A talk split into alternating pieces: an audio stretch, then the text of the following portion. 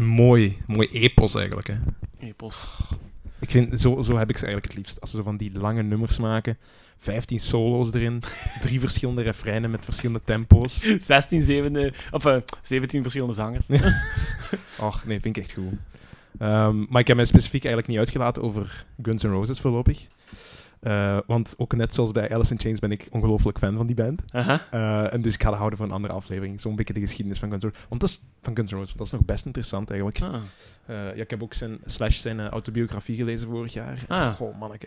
Die komen nog eens terug dan in uw, in uw Die gaan sowieso in terugkomen. nummerkeuzes. Ah, dat is goed. En voor mij hebben die ook drie van de, drie van de beste nummers alle tijden geschreven.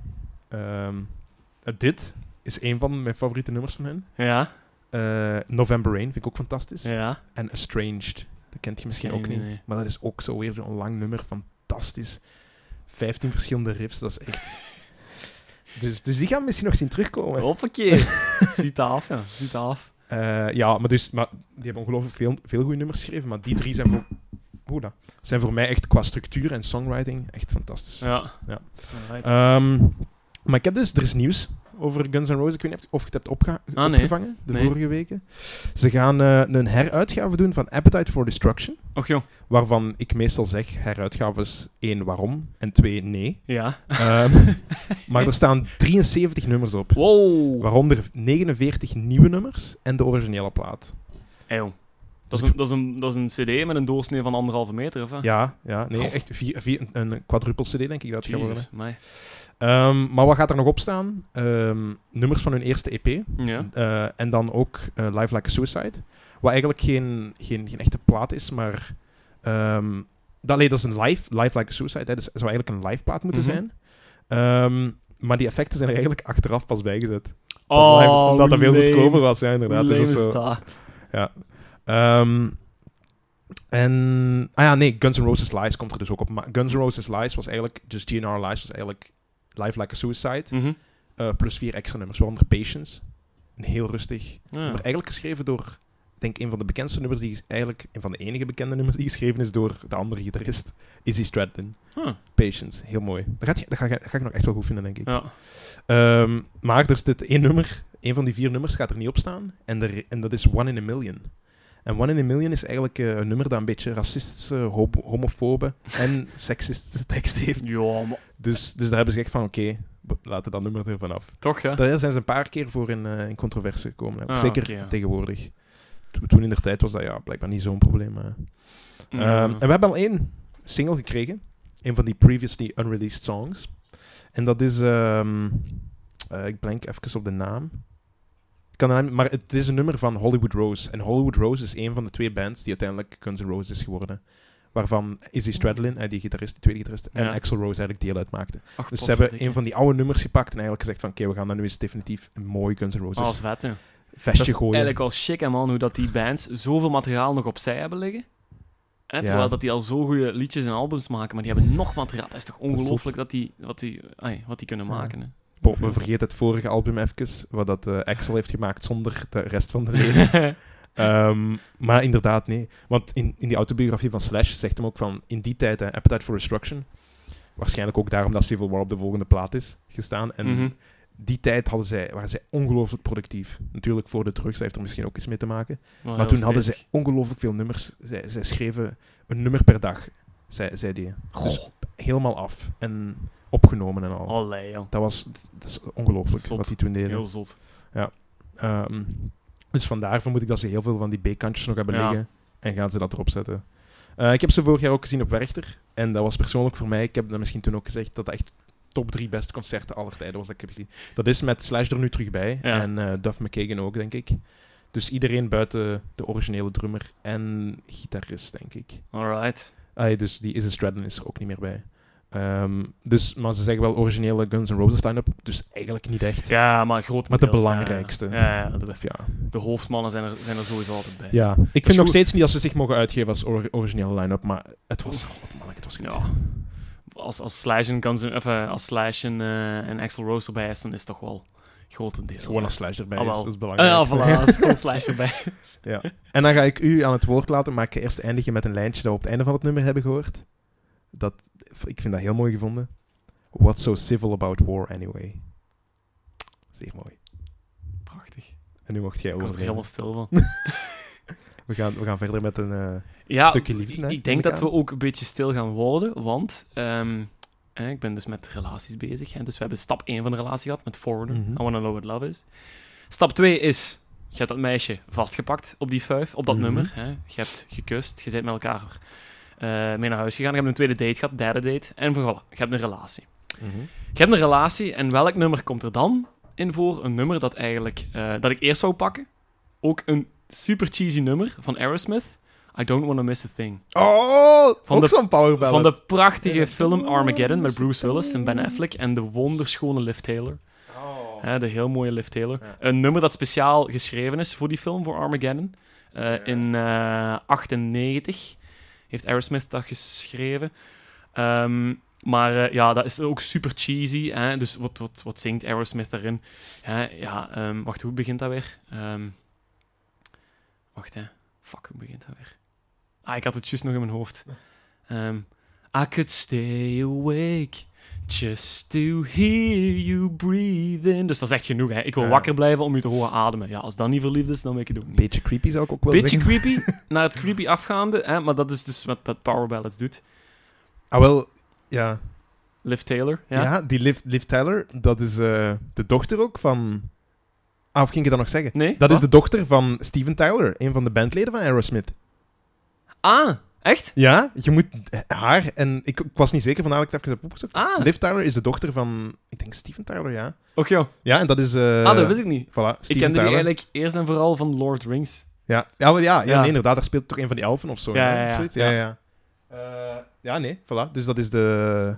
Is dat de Ah. gitarist? Nee, de zanger. Ah, voilà. kijk, langer- de, de zanger zanger van gewoon van Aerosmith, Aerosmith. en Ah, als je kijk. die twee koppen langs elkaar legt, ziet je het wel echt. Ja, dat wel, ja. Wat ik een beetje jammer vind. Ah, oké, dus de papa... Ja, voilà, de papa heeft dat nummer geschreven. Ja. Maar, dat gaan we er niet inzetten in onze lijst. Oh, maar...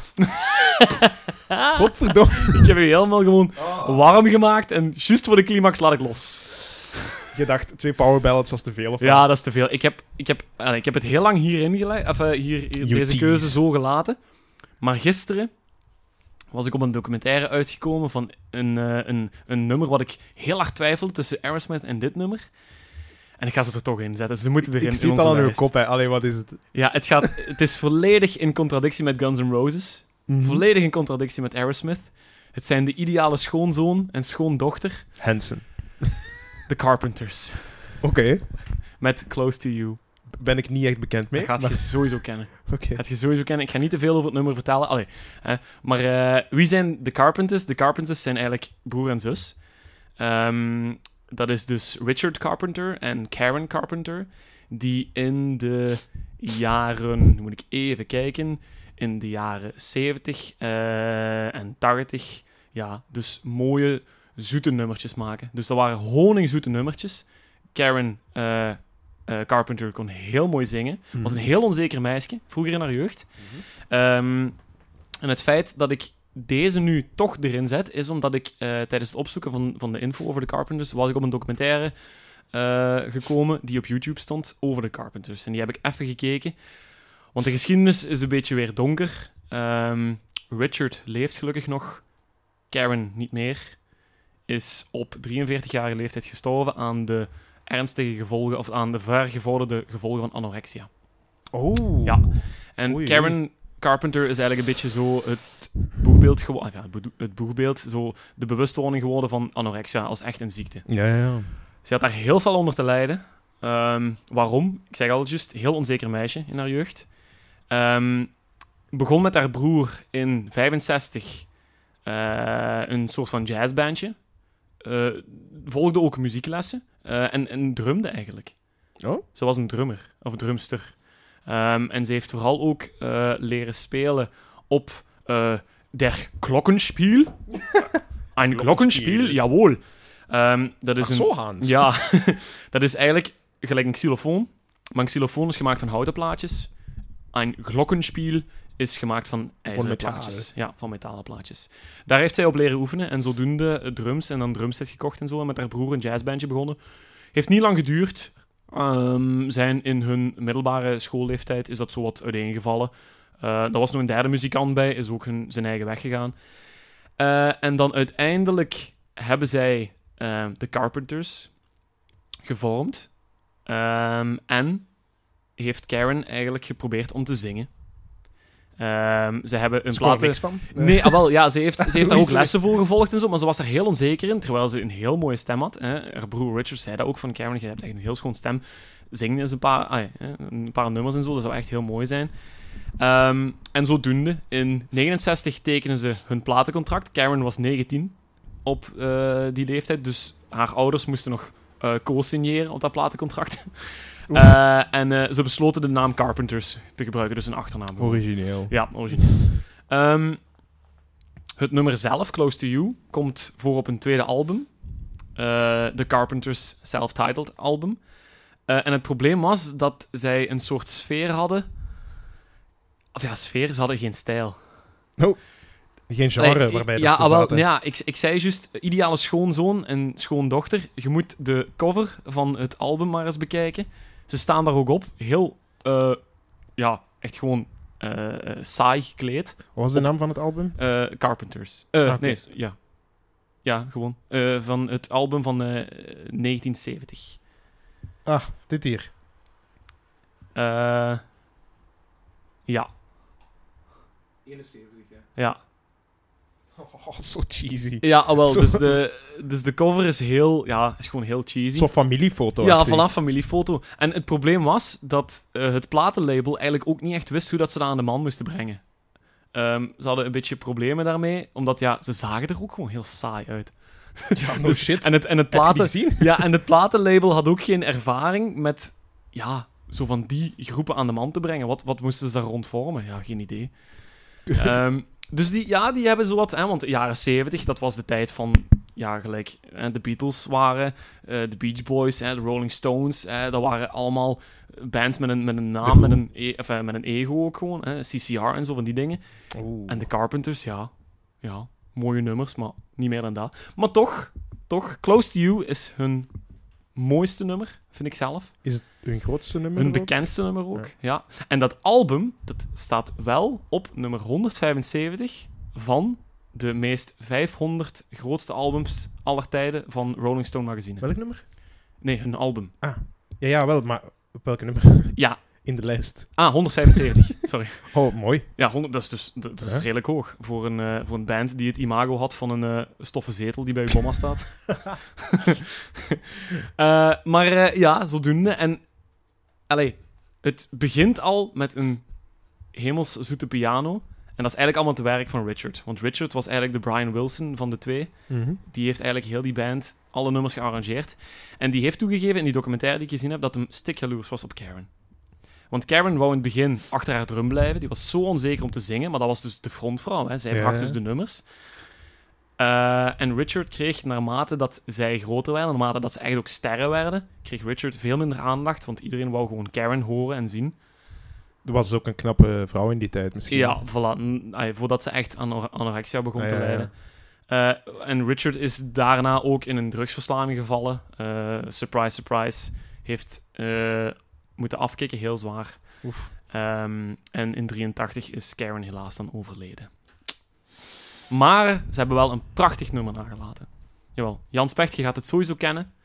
Ik ben benieuwd. We gaan het gewoon eens opzetten. The Carpenters, Close to You.